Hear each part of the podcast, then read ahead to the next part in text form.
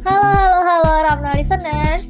Balik lagi nih sama aku Alia Fiska dari HMF 18 di Ramnocast, podcast milik Ramnasa.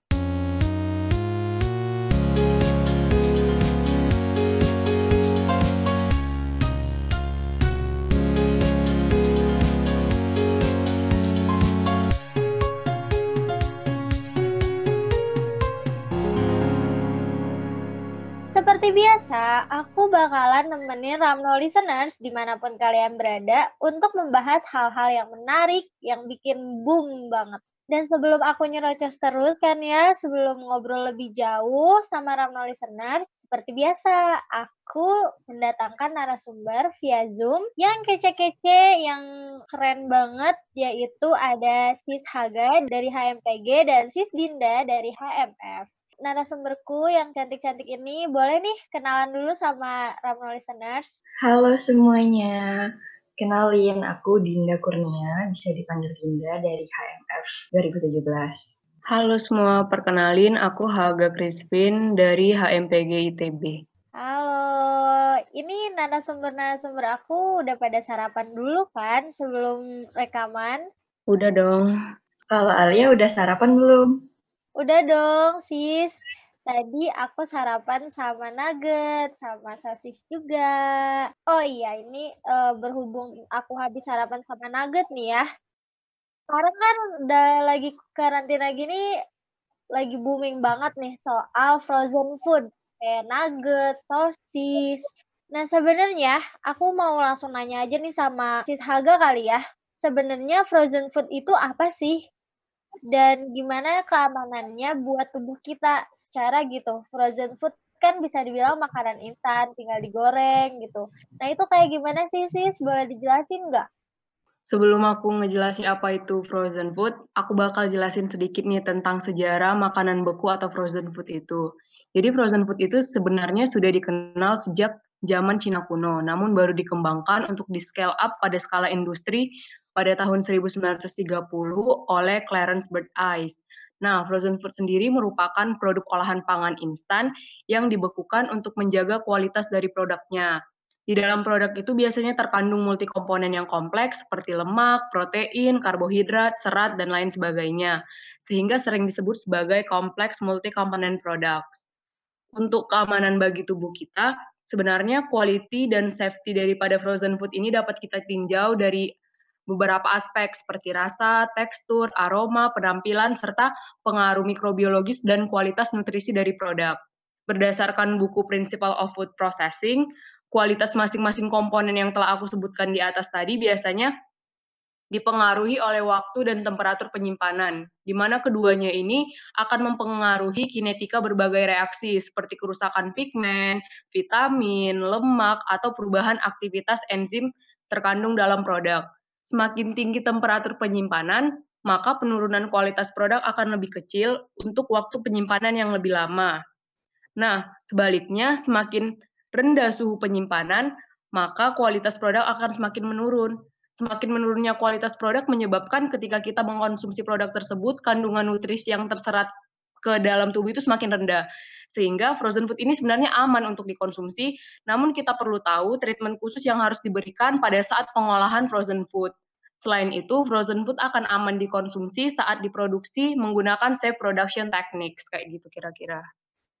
Oh, ternyata frozen food itu masih aman-aman aja ya. Cuma dilihat lagi nih dari pengolahannya. Ngomongin soal pengolahan frozen food, emang sebenarnya frozen food itu diolah kayak gimana sih, Sis? Boleh dong dijelasin?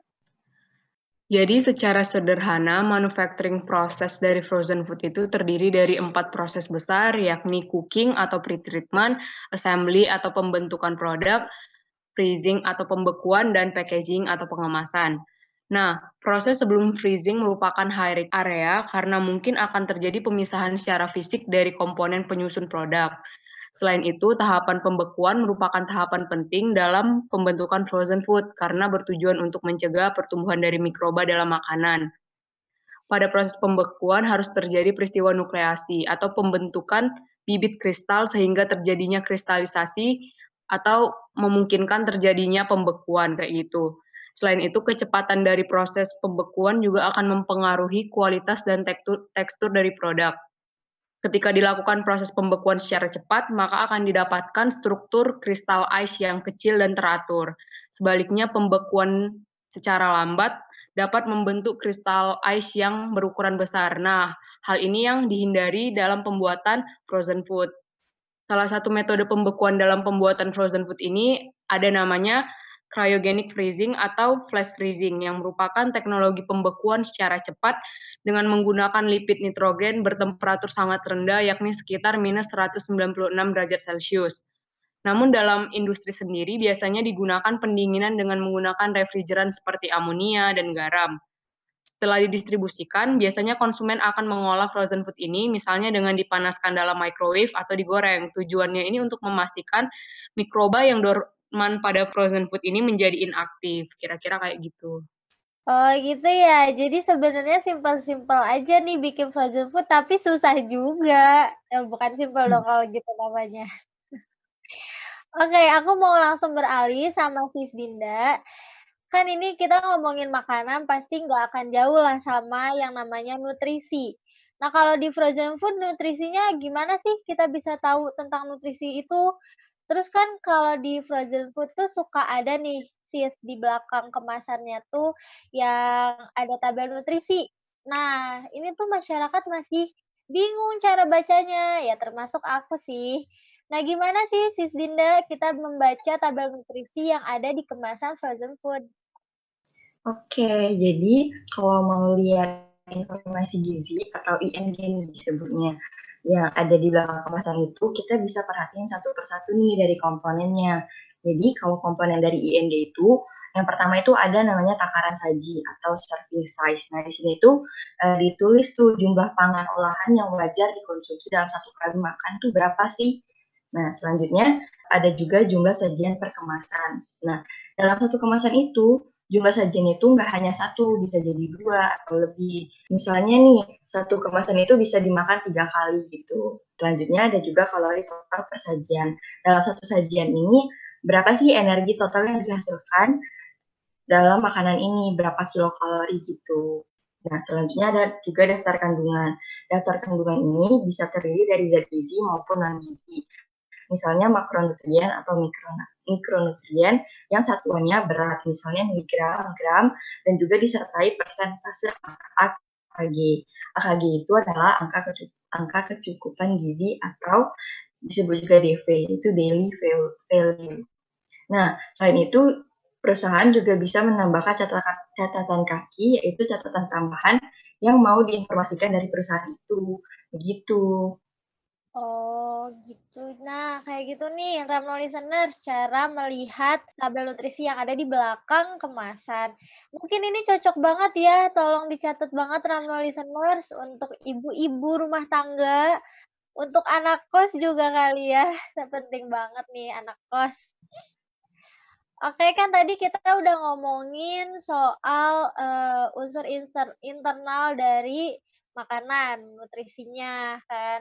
Nah, sekarang aku mau nanya nih sama Sis Haga soal unsur eksternalnya, yaitu kemasan. Balik lagi ke frozen food, itu kan kemasan frozen food uh, agak beda ya, agak aneh gitu kan kalau ciki-ciki ya Sis di kembang-kembangin gitu. Kalau frozen food Malah sebaliknya, kayak di-press gitu. Itu tujuannya apa sih, Sis? Nah, untuk pengemasan frozen food sendiri harus diperhatikan nih kondisi kondisi pengemasannya itu harus steril karena ini merupakan tahapan akhir yang menentukan kualitas dari produk jika ditinjau dengan HACCP atau Hazard Analysis and Critical Control Point.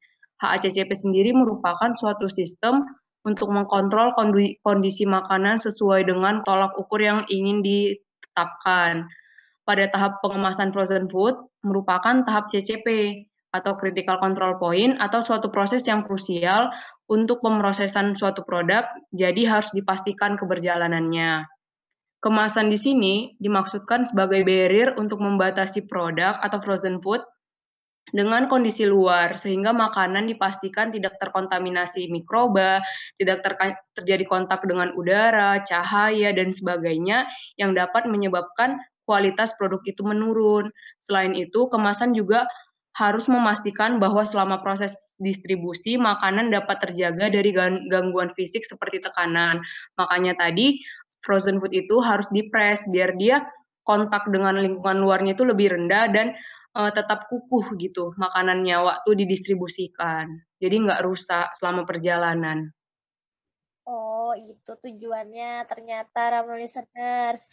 Aku kira sih awalnya cuma kreativitas biasa gitu, sis dari produser tapi ternyata ada hmm. tujuannya. Oh iya, balik lagi aku mau ngobrolin sama Sis Dinda soal uh, komponen internal lagi nih. Kan kalau kita ngomongin makanan pasti nggak akan hmm, lepas dari hmm. nutrisi, dari zat aditif gitu ya Sis. Nah, kalau zat aditif yang aman gitu untuk dikonsumsi yang diperbolehkan sehari-harinya emang berapa sih sis? Kayak kita makan garam, gula, pengawet, micin. Nah, itu berapa sih yang aman perharinya?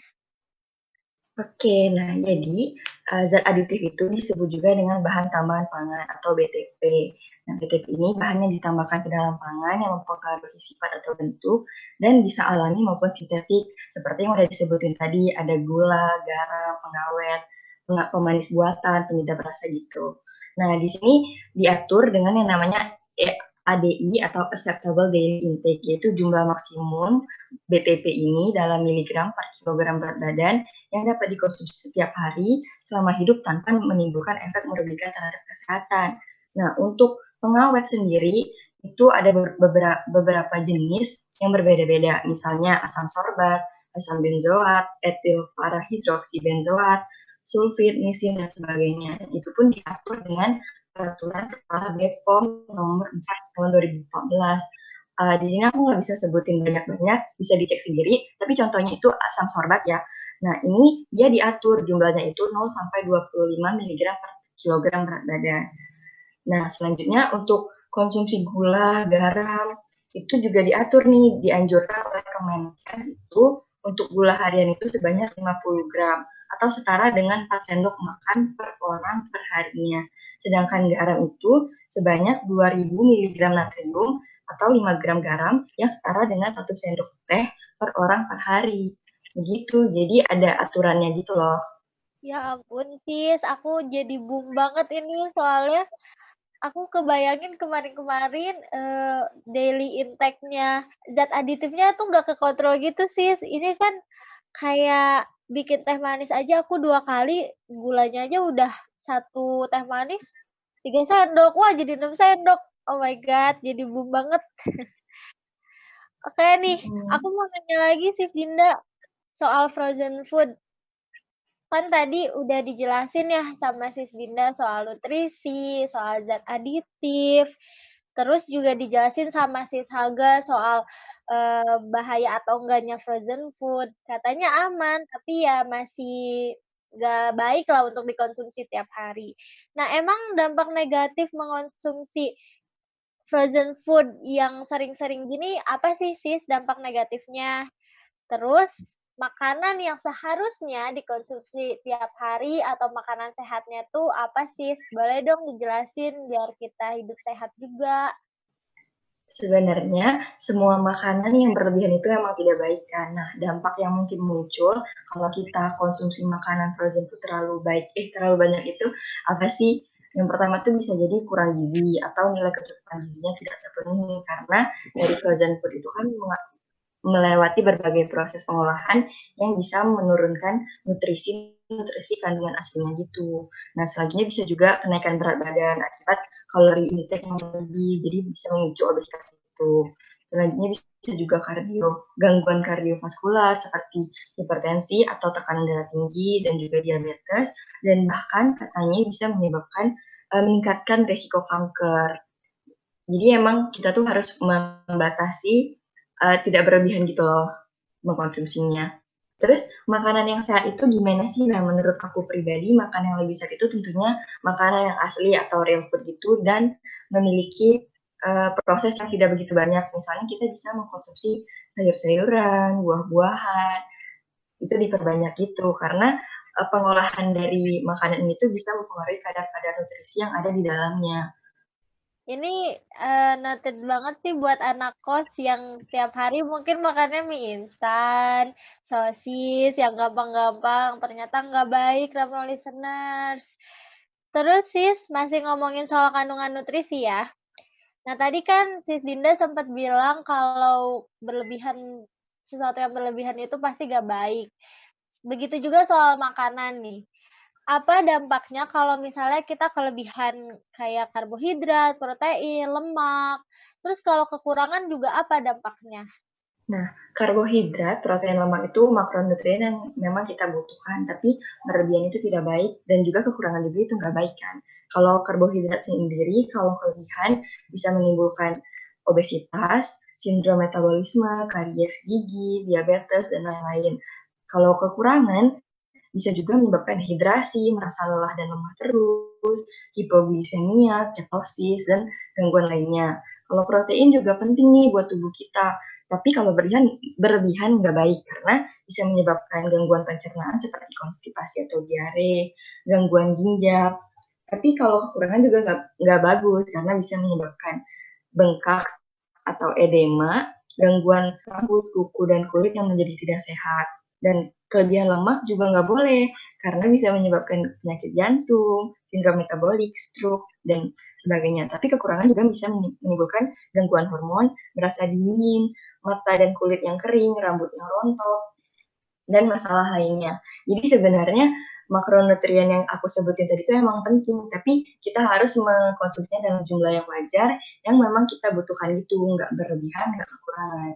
Wow, ini bikin aku boom lagi nih, karena Ya, aku selama ini nggak seimbang. Mungkin Ramah listeners juga banyak yang kayak gitu. Padahal makanan dekat banget ya sama kita tiap hari. Uh, Sis Haga, aku mau cerita nih. Kan aku biasanya suka jajan gitu kan di kampus, suka atau jajan di mana gitu.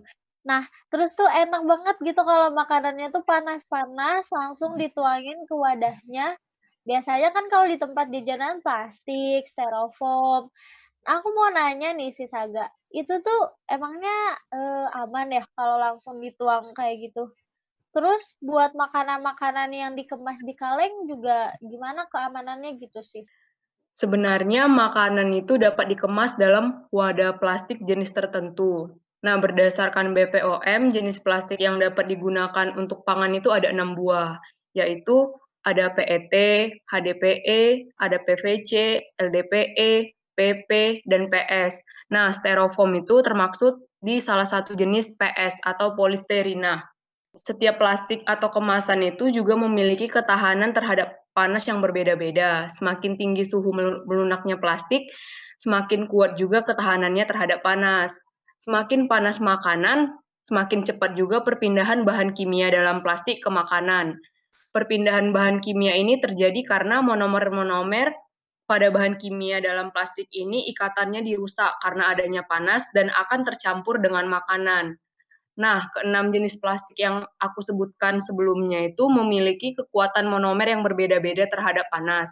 Jadi, ketika ingin digunakan untuk kemasan makanan panas, harus diketahui dulu plastik tersebut tahan untuk temperatur berapa. Nah, sejauh yang aku ketahui, plastik jenis plastik yang paling baik untuk makanan itu ada jenis PP atau polipropilen. Nah, kalau tadi nanya tentang kaleng, sebenarnya kemasan kaleng ini juga dapat digunakan sebagai packaging dari makanan. Namun harus diperhatikan keberadaan akselerator korosi pada makanan tersebut.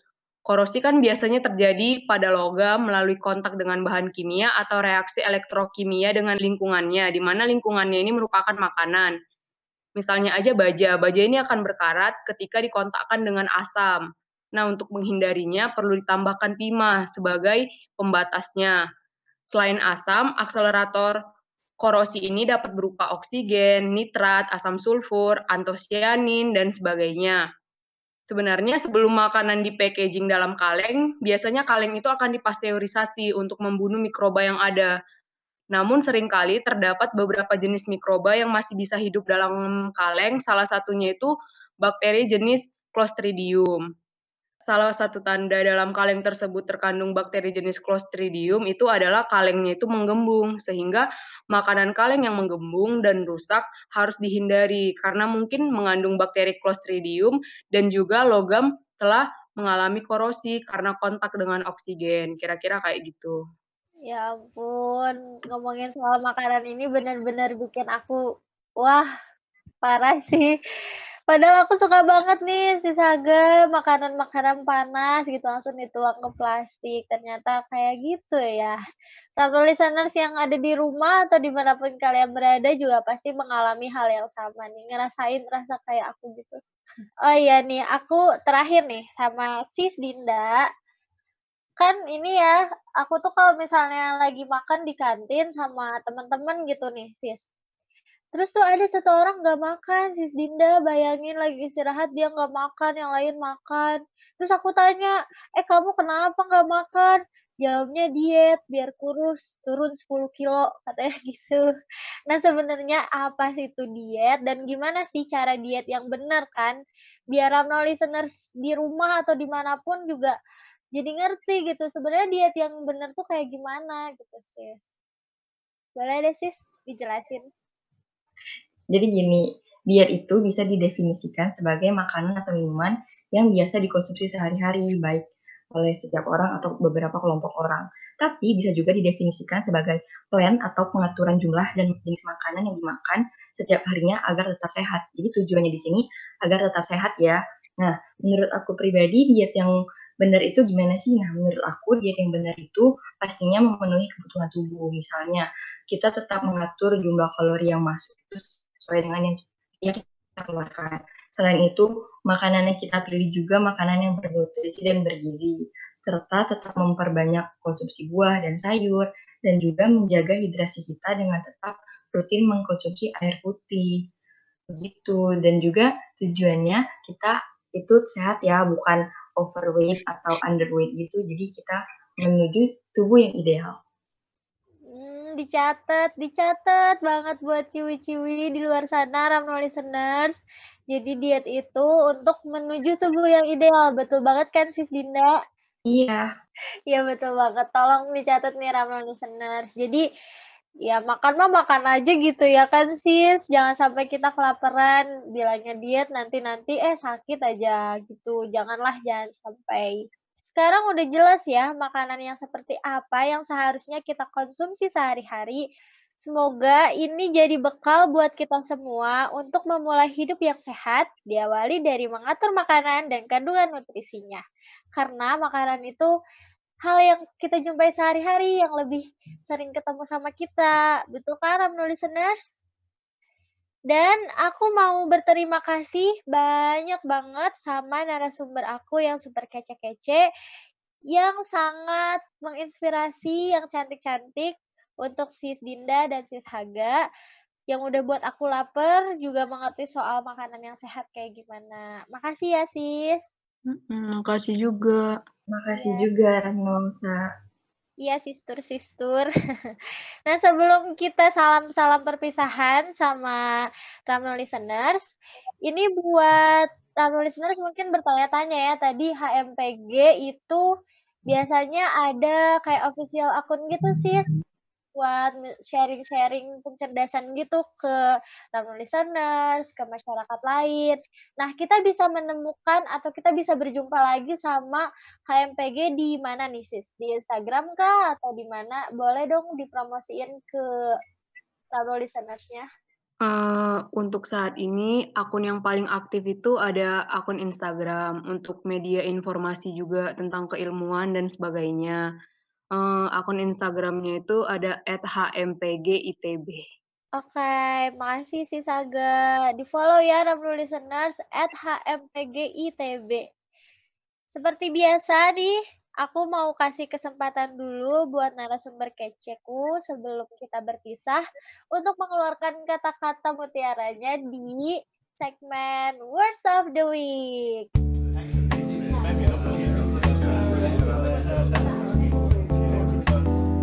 Okay, mungkin dikit aja ya. Uh, dari aku itu, your body is a temple. You are what you eat. So let's habit to eat a healthy food. kira-kira kayak gitu. Wah, langsung nih dilanjut sampai Sis Dinda boleh? Life is like a sandwich. You have to fill it with the best ingredients.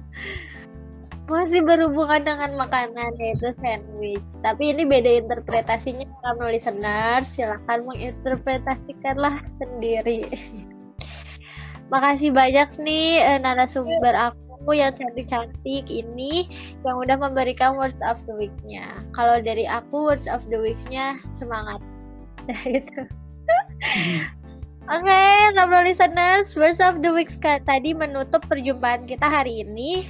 See you guys di podcast selanjutnya. Jangan lupa perhatikan makanan yang kita makan. Stay healthy, stay positive, and stay safe everyone. Ramnosa meroket dengan pena.